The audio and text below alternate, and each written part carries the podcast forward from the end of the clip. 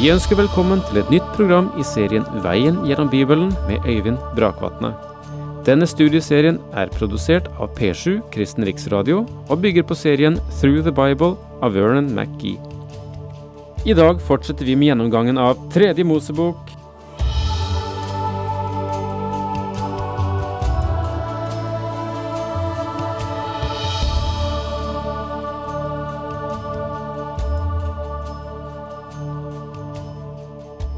Vi er inne i et meget dramatisk kapittel i tredje Mosebok. Du kan vel si at det meste av denne boken omhandler ritualer og lover og instrukser og regler og forordninger. Men eh, det brytes iallfall av kapittel ti, der Nadab og Abihu går mot det som er Guds forordning og vilje, og straffen for det er døden. Og vi har en parallell til dette i eh, apostlenes, apostlenes gjerninger, kapittel fem, der Ananias og Safira også får møte døden for sin ulydighet. Eh, dette betyr at eh, Gud er en hellig og nidkjær Gud, og vi kan ikke fingre egentlig med det som er hans vilje. Nå er det ikke vanlig at han griper inn med en slik dom over mennesker, iallfall her nå i nådens tidsutholdning. men vi må ikke være fremmed for at uh, Gud avsier også sine dommer, gjør sine vurderinger, og handler helt fritt, suverent som Gud, også nå. Men vi merket oss også at selv om Nadab og Abihu og Anias og Safira eh, møtte døden, så betydde ikke det at de mistet sin frelse. Men eh, Herren tar dem bort for at de ikke skal fordømmes sammen med verden, som også Skriften sier. Og eh, det er det som skjer eh, også med oss. Gud gjør sin vurdering, og han gjør sin dom, og den kan møte oss enten vi er leg eller lærd. Eh, og Skriften sier at om vi ikke dømmer oss selv, så vil Gud dømme oss, slik at vi ikke, som allerede nevnt, skal bli fordømt sammen med verden. Vi må se hvorledes vi vandrer. Og eh, det er egentlig en nåde fra Gud at selv i sånne strenge forhold så ønsker han at vi skal bli berget for evigheten, og at vi ikke skal eh, forgå og forskusle den kapital, den rikdom, den uendelige verdi som vi har i vår frelse, og for at vi ikke skal føre dyp skade over hans menighet. Og Jeg vil gjerne si at dette egentlig er et sterkt bilde på at Jesus en gang kom over den tapte verden med sin ilddom. Enok forkynte det, og Enok profeterte slik som det står i Judabrev, versene 14 og 15. Se, Herren kommer med sin, sine hellige engler i tusentall for å holde dom over alle og kreve alle gudløse til regnskap for alle ugudelige gjerninger de har gjort, og for alle trassige ord de har rettet mot ham, de gudløse syndere. Og Peter han sa det samme. Og er det vanskelig for den rettferdige å bli frelst, hvor skal det da bli av den ugudelige og synderen? 1. Peter 4, 18. Og så går vi inn igjen i tredje Mosebok, kapittel 10, vers 3 og videre, og der står slik. Moses sa til Aron, det var dette Herren talte om da han sa, for dem som står meg nær, vil jeg åpenbare min hellighet, foran hele folket vil jeg vise min guddomsmakt. Aron tidde. Men Moses ropte på Mishael og Elsafan, som var sønner av Arons farbror Ushiel, og sa til dem, Kom hit og bær deres frender bort fra helligdommen og ut av leiren. De kom og gjorde som Moses hadde sagt, og bar dem ut av leiren med kjortlene på. Da denne nyheten spredte seg gjennom Israels folket, så må de ha strømmet til tabernakelet for å se disse unge menns døde legemer. Moses siterte Herrens ord for å gi en forklaring på denne dom. Selv prestene som ellers får tre fram for Herren, må hellige seg for at Herren ikke skal bryte inn blant dem, står det i 2. Mosebok 19 vers 22. De som i særlig grad er ført inn i Guds nærhet, må ha et skarpt øye for Guds hellighet og hans rettmessige krav. Bare dere, skriver Amos, bare dere vil jeg kjennes ved blant alle folk på jorden, derfor krever jeg dere til regnskap for alle syndene dere har gjort. På samme måte som Gud dømte sitt folk Israel, så dømmer Gud sin hellige, sine hellige i dag, for at verden kan være klar over at han er en hellig Gud. Arons holdning og oppførsel er verd å legge merke til. Han er absolutt taus. Det er intet rop som uttrykker skuffelse, sorg eller vrede mot Gud. Han bøyer seg, sønder knust, for Guds vilje. Hans sorg må ha vært bunnløs, men han kan ikke stille noe mot Guds suverene vilje. Legg merke til at Gud sier, Jeg vil bli helliget i dem som kommer nær meg. Moses kalte på to av prestene som var de avdødes fettere, for å bære vekk de døde fra helligdommen, og mens folket så på i ærefrykt, ble de båret ut av leiren. Da sa Moses til Aron og hans sønner Eliaser og Itamar, dere skal ikke la håret henge fritt og ikke flere klærne, for da kommer dere til å dø. Og Herren blir vred på hele menigheten. Men deres brødre, hele Israels ett, skal gråte over den ilden som Herren har sendt. Dere skal ikke gå bort fra inngangen til møteteltet, for da må dere dø, for Herrens salvingsolje er på dere de gjorde som Moses sa. Aron og hans to gjenlevende sønner blir satt under en spesiell begrensning. De skulle ikke sørge ytre sett. Og det er to årsaker til det. Den første står nedtegnet. Herrens salvingsolje er på dere. De var satt til side for å representere folket for Gud, og de var Guds representanter overfor folket. De skulle fortsette i sin tjeneste slik at det kunne være en mellommann mellom Gud og menneske, så ikke vreden skulle falle på folket så dødsdom skulle nå dem.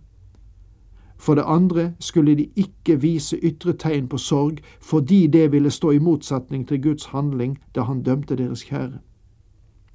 Vi må legge merke til at de sikkert har utført sin tjeneste med svært tungt hjerte.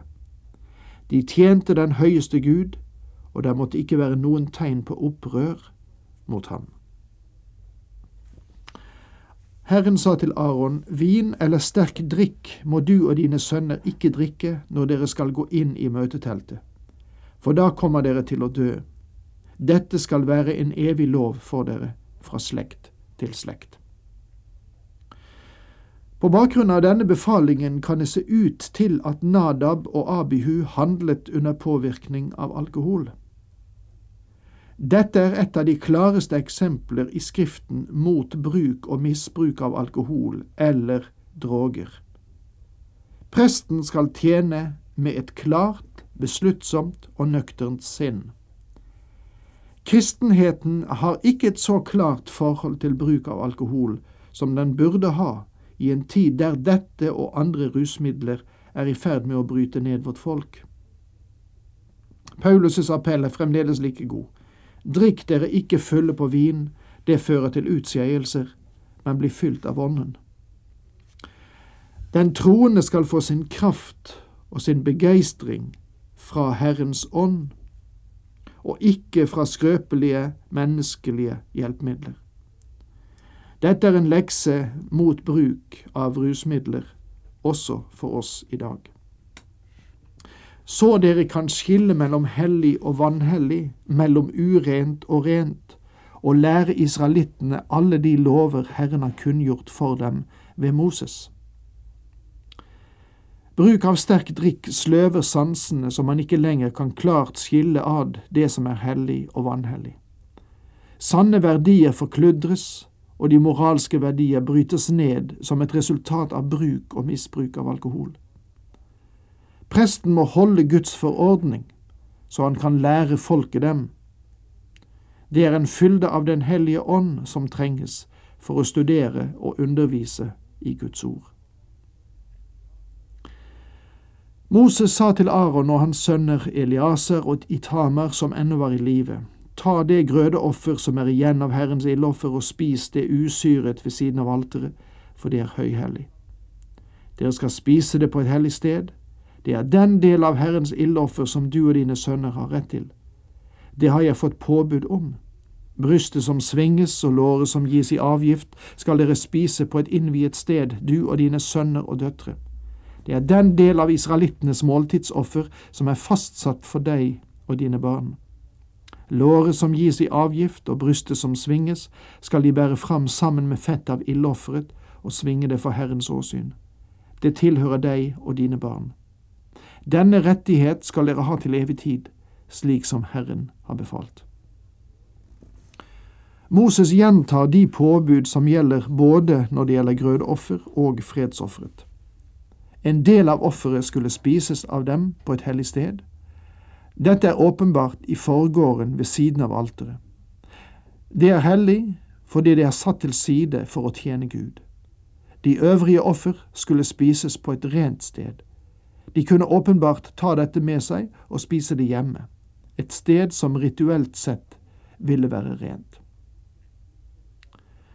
Da Moses spurte etter syndofferbukken, viste det seg at den var oppbrent. Da ble han harm på Eliaser og Itamer, de som var igjen av Arons sønner, og sa, Hvorfor har dere ikke spist syndofferet på et hellig sted? Det er jo et høyhellig offer. Herren har gitt dere det for at dere skal ta bort menighetens skyld og gjøre soning for dem for Herrens åsyn. Blodet ble ikke båret inn i helligdommen.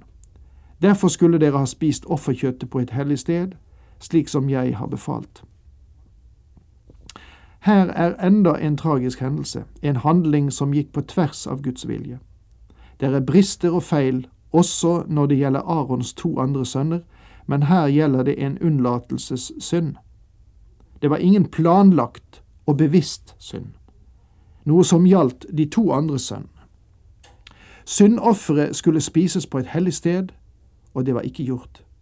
Selv om blodet var blitt ofret, så var det den delen som tilhørte prestene, som ikke ble spist. De hadde latt det være å gjøre dette, kanskje fordi de ikke så viktigheten av det. Da sa Aron til Moses, i dag har de båret fram sitt syndoffer og brennoffer for Herrens åsyn, og likevel har slikt rammet meg. Om jeg hadde spist syndoffer i dag, ville det ha vært etter Herrens vilje? Da Moses hørte det, syntes han det var rett. Aron tok ansvaret for sønnene sine. Åpenbart hadde denne tragiske hendelse ført til ikke bare at han mistet matlysten, men han følte også at han var uverdig til å fortsette sin tjeneste for Gud.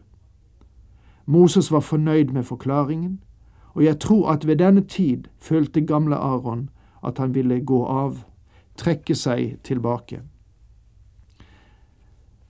Der er en veldig sannhet som vi kan dra av denne hendelsen.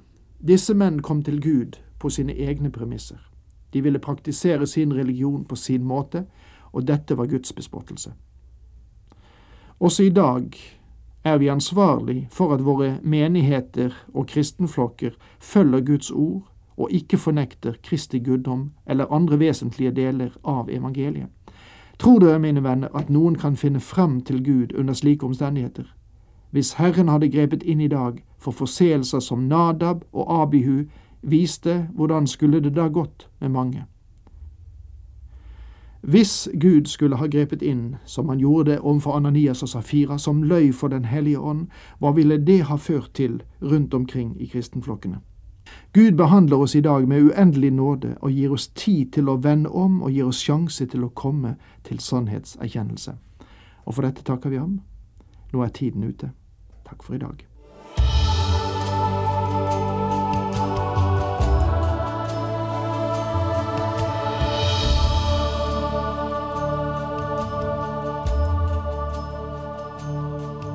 Du hørte Øyvind Brakvatne i studieserien Veien gjennom Bibelen. Serien bygger på et manus av Vern McGee. Har du spørsmål eller kommentarer til programmet, kan du sende en e-post til vgb krøllalfa p7.no. Takk for i dag, og på gjenhør.